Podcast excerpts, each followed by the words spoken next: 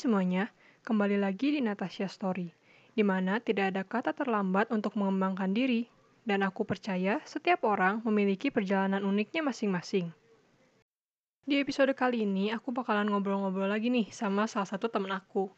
Ada Nadia Azahra di sini. Nadia itu salah satu temen aku as a content writer di salah satu komunitas nih. So, daripada lama-lama, kita langsung ngobrol aja yuk. Hai Nat, apa kabar? Hai, I'm good. Thanks for asking. Sekarang aku lagi sibuk belajar karena ada ujian minggu depan, tapi overall aku baik-baik aja. Wah, ada ujian apa nih?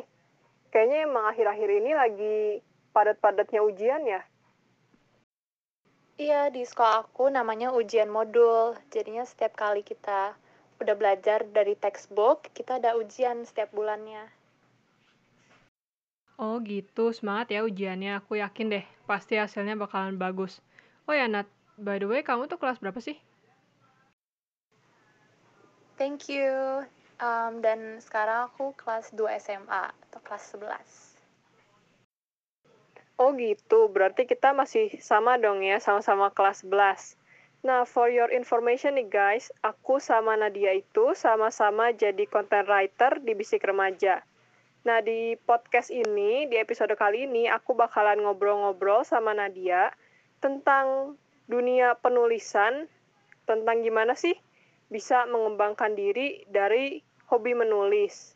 Nah, sebelumnya aku pengen tahu dong, Nadia ini suka nulisnya udah dari lama atau gimana nih? Um, I've been passionate about writing since middle school. Karena di sekolah aku waktu itu sering banget disuruh bikin tugas penulisan. Dari essay, artikel, penulisan ilmiah, bahkan sampai bikin puisi. Dari situ aku belajar banyak tentang dunia penulisan, terutama cara aku mengembangkan kreativitas dan menyuarakan opini-opini aku melalui berbagai macam media tulisan. Dan semenjak SMP, aku sering nulis-nulis di waktu luangku. Wah, jadi udah lama ya kamu bergelut di bidang penulisan. Nah, benar banget tuh kata Nadia tadi, kalau dengan kita menulis, kita kan belajar untuk mengemukakan opini dan jadi lebih kreatif. Kalau kamu sendiri suka bikin tulisan yang kayak gimana nih? Puisi kah, cerpen, atau yang kayak gimana? Kalau aku sih suka bikin tulisan apa aja, yang penting topiknya yang menarik Jadinya kalau aku lagi bikin artikel, aku pastiin dulu kalau topik yang aku mau bahas adalah sesuatu yang aku benar-benar suka dan memiliki passion di bidang tersebut. Entertainment, whether tentang film atau music. Um, dan selain itu, aku juga suka bikin personal essays, di mana aku bisa menuangkan semua emosi atau perasaan yang aku lagi laluin. So, yeah, basically writing is just an escape for me to reflect and spend more time with myself. Iya bener, kalau misalkan kita nulis sesuatu yang topiknya kita nggak suka, pasti nulisnya jadi nggak benar sih, jadi nggak maksimal kan ya. Terus tadi kamu sempat mention about personal essay, itu kayak gimana sih? Boleh diceritain nggak sedikit? Um, personal essays atau bisa disebut dengan prosa itu sebuah karya tulisan di mana kita tuh cerita tentang pengalaman pribadi atau bisa juga dengan bikin cerita pendek. Jadinya ya kita kayak lagi ngedongeng ke para pembaca gitu. Itu sih yang paling seru menurut aku, soalnya nggak banyak peraturan dan kita bisa bebas nulis tentang apa aja. Oh, seru juga ya berarti bikin personal essay gitu. Kayaknya next aku bakalan nyoba deh. Nah, uh, selanjutnya, manfaat apa aja sih yang kamu dapetin dari menulis kalau aku sih dari menulis tuh ngerasa jadi lebih tenang aja karena ya pikiran aku terus perasaan aku bisa tertuang di tulisan-tulisan aku. Kalau kamu gimana nih? Iya, sama. Aku juga. Nulis tuh bikin aku tenang. Soalnya kayak gak ada yang ganggu aku kalau aku lagi sibuk nulis. So, basically writing for me is an escape from the rest of the world. Jadinya kalau aku lagi senang atau sedih, aku coba untuk menulis. Semua opini atau pikiran yang aku nggak bisa ucapkan secara langsung, itu aku tuangkan di tulisan. Dari situ, orang-orang bisa belajar dari karya buatan aku. Selanjutnya aku juga kepo nih, kalau tulisan-tulisan kamu gitu biasanya di-upload ke mana sih? Kamu nulis di jurnal kah? Atau ditulis di Word untuk di-keep sendiri? Atau kamu udah upload dan sebarluaskan lewat blog mungkin? Um, aku kalau nulis biasanya langsung di laptop, kayak di Microsoft Words atau Google Docs. Tapi aku juga simpen sebuah jurnal atau diary yang khusus untuk cerita hal-hal yang lebih personal. Jadinya ya itu cuma boleh aku doang yang baca. Um, selain itu, aku juga ikut beberapa organisasi majalah online di luar negeri. Di situ aku nulis karya tulisan apa aja yang sesuai dengan tema yang mereka buat. Misalnya, tema untuk isu pertama adalah tentang reflection. So, I make any form of writings based on the theme. And after that, tulisan kita bisa dipublish sama mereka. Oh, jadi lebih ke personal gitu ya? Personal atau komunitas-komunitas majalah online gitu? Kamu nggak upload ke blog atau suka nulis mungkin di Instagram? Nggak juga ya? Um, kalau blog kayaknya aku belum punya sih, dan aku juga jarang nulis di Instagram. Ya paling nulis tuh melalui organisasi seperti Bisik Remaja atau majalah online gitu. Untuk nextnya kamu ada keinginan nggak? Atau mungkin kepikiran ide mau bikin blog? Atau mungkin aktif di Instagram selain nulis untuk personal dan komunitas-komunitas? Hmm, sebenarnya aku udah pengen bikin blog untuk karya pribadi aku, tapi um, belum ada waktu dan kesempatannya aja sih untuk bikinnya. And for Instagram, I don't really have any plans. Ya, karena Instagram aku lebih untuk teman-teman dan sharing tentang kehidupan sehari-hari. But yeah, you never know. Iya, wah berarti ini ya, nanti ditunggu nih. Kalau ada blognya Nadia mungkin bisa sounding-sounding biar kita bisa baca juga tulisannya Nadia yang keren. iya bisa. Nanti uh, follow Instagram aku ya. Tapi belum ada janji gitu kalau aku bakalan nulis-nulis di situ. Tapi mungkin suatu saat nanti. Iya, jangan lupa buat kepoin juga tuh Instagramnya Nadia. Nanti bakalan aku simpen di description kok. Nah, sekarang aku pengen nanya pendapat kamu nih, Nad. Menurut kamu, si kemampuan menulis ini adalah bakat yang dimiliki seseorang atau yang bisa dikembangkan seiring berjalannya waktu sih? Hmm, menurut aku sih semua orang punya bakat menulis di dalam diri mereka. Tapi harus benar-benar diasah biar tulisan mereka tuh memiliki makna yang bermanfaat untuk para pembaca. Dan struktur tulisan kan juga harus diperhatikan jadi hal-hal tersebut bisa kita belajar seiring waktu, terutama di pelajaran bahasa di sekolah. Iya, setuju banget sama Nadia. Menulis itu emang skill yang mungkin setiap orang punya, tapi pilihan mereka antara mau diasah dan gak diasah. Dan untuk menghasilkan satu tulisan yang oke, okay, pastinya perlu latihan ya, dan perlu jam terbang sih. Nah, terus tadi kamu kan sempat mention nih, kalau misalkan menulis itu bisa menumbuhkan kreativitas. Nah, kamu ada nggak nih tips untuk para pendengar di sini gimana biar kita bisa lebih kreatif dalam membuat suatu tulisan? Untuk membuat tulisan, kita harus banyak baca sih. Bisa dari novel, jurnal, berita online, atau koran mungkin. Dan dari situ kita bisa mendapatkan inspirasi dan punya gambaran kita tuh passionnya ada di mana kalau kalian suka bikin puisi, pastiin kalian juga sering baca karya puisi orang lain. Tapi ya jangan ikutin sama persis, ntar plagiat.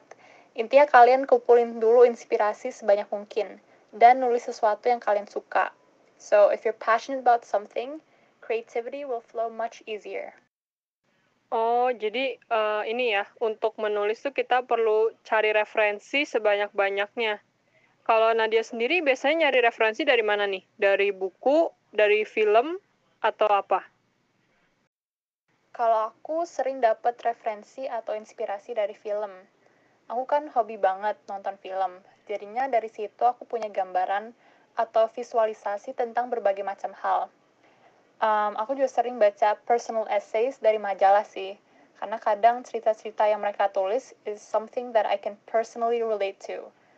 Also, if you want to write articles, make sure you keep up with the current news. Sering-sering baca koran atau nonton berita di TV biar nggak ketinggalan fenomena atau events yang lagi happening. Oh, jadi hobi itu bisa dijadiin ini ya, tempat untuk mencari inspirasi juga. Kalau kalian suka nonton film, ya kalian bisa nyari inspirasi dari film itu. Atau kalau yang suka baca buku, bisa cari juga nih inspirasi dari buku-buku kesukaan kalian.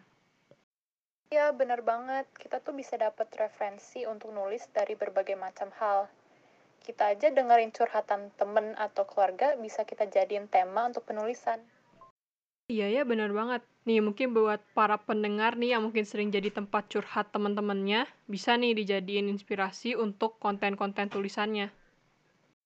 Dijadiin inspirasi loh ya, bukan berarti cerita teman kalian, kalian jadiin cerita dan dipublikasi luas. Apalagi cerita-cerita yang privacy itu eh, jangan juga lah ya kalian harus belajar buat milah-milah.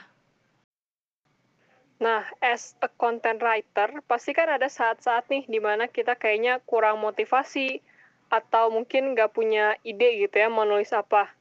Nah, biasanya kamu ngelakuin apa sih untuk kembali memotivasi diri atau nyari ide untuk menulis? Nah, itu namanya writer's block, dan aku sering banget mengalami writer's block.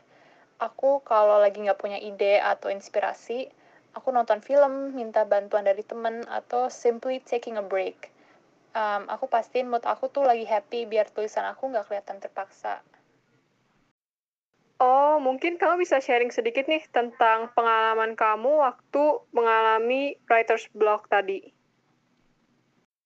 Aku inget banget, tahun lalu aku disuruh bikin karya tulisan untuk sebuah majalah. Nah, entah kenapa aku susah banget dapet inspirasi. Hampir sebulan aku baru bikin satu kalimat. Dan selama itu aku kayak gak ada motivasi untuk nulis. Jadinya aku males untuk melanjutinnya.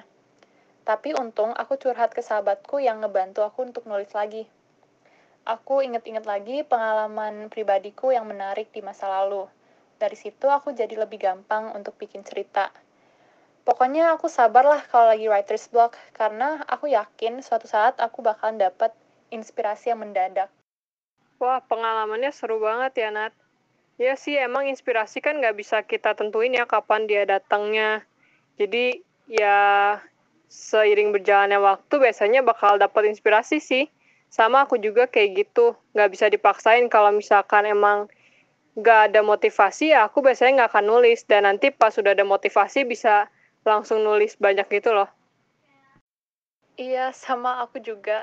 Pokoknya kalau aku lagi bad mood, aku nggak akan nulis. Karena nanti itu bakal nge-efek hasil tulisan aku. Dan jadinya jelek.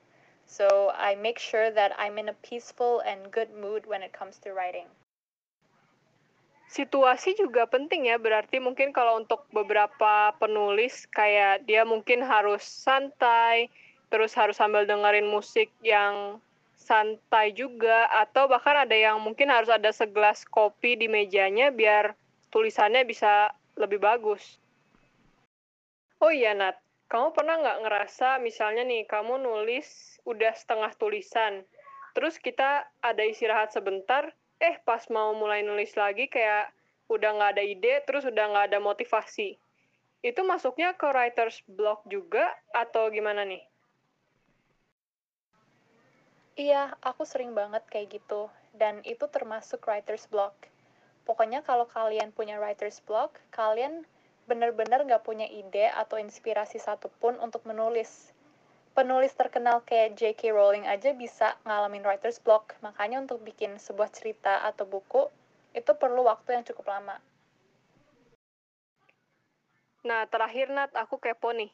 Kan tadi kamu bilang kamu itu ikut banyak banget komunitas ya ada komunitas dan majalah-majalah baik dari dalam maupun luar negeri. Nah, manfaat apa lagi sih yang kamu dapatkan selainnya tadi bisa meningkatkan kreativitas kamu dan bisa membuat pikiran dan perasaan kamu lebih tenang? Um, untuk aku sih, writing makes me feel like I'm a part of a community. Aku jadi lebih banyak kenal orang. Kayak sekarang nih, aku sama Natasha dipertemukan di bisik remaja dan kita saling belajar dari pengalaman pribadi satu sama lain. Jadinya komunitas para penulis tuh luas banget dan bisa kita temukan di mana saja. Nah, jadi menulis itu banyak banget ya manfaatnya. Bisa dapat teman juga, terus mengembangkan diri juga. Nah, jadi buat teman-teman yang baru banget nih pengen nulis, bisa banget untuk coba. Karena nggak ada salahnya sih untuk nyoba nulis dari hal-hal kecil dulu, misalnya nulis jurnal harian, dan yang lainnya. Pokoknya singkat-singkat juga nggak apa-apa sih. Nah, last but not least, Nat, kamu bisa nggak nih share tips untuk teman-teman yang mereka tuh pengen nulis tapi nggak tahu mau mulainya dari mana? Nah, mungkin kamu bisa kasih tips gimana sih caranya? Seperti yang Natasha baru bilang tadi, kita bisa nulis hal-hal kecil atau yang singkat dulu. Bisa buat jurnal harian atau diary dan cerita aja gitu. Kalian di hari itu ngapain aja dan ngerasain emosi apa aja di hari tersebut. Pokoknya tulis aja sampai kalian kehabisan ide. Dan dari pengalaman itu, kalian bisa kembangin lagi. Jadi puisi atau cerita pendek mungkin. So, there's no right or wrong. Dan yang paling penting, jangan takut untuk untuk mulai nulis. Jangan ada pikiran kalau tulisan kalian tuh masih jelek atau nggak sebagus yang lain. Percaya diri aja dan tulis hal-hal yang kalian suka. Wah, keren banget ya tips dari Nadia. Bisa banget nih buat diikutin tipsnya biar kalian bisa mulai membuat sebuah karya tulis. Oke, thank you banget nih Nat udah mau sharing dan jadi tamu di podcast aku. Gak kerasan ini kayaknya udah ngobrol lama ya. Semoga apa yang tadi dibagiin sama Nadia dan udah kita diskusiin bisa memotivasi kalian dan ngebantu kalian untuk mengembangkan diri. Iya, yeah, thank you Natasha for having me in your podcast. Um, semoga yang aku ceritain tadi bisa bermanfaat untuk kalian para pendengar. And don't forget to keep motivating yourself in any way possible. Iya, bener banget. Kalau kalian mau nulis, ya mulai nulis aja. Nggak ada benar atau salah kok. Kalian pede aja dulu, karena setiap karya tulis tuh pasti keren. Yes, akhir kata dari aku. Thank you banget buat teman-teman semua. See you on the next podcast ya.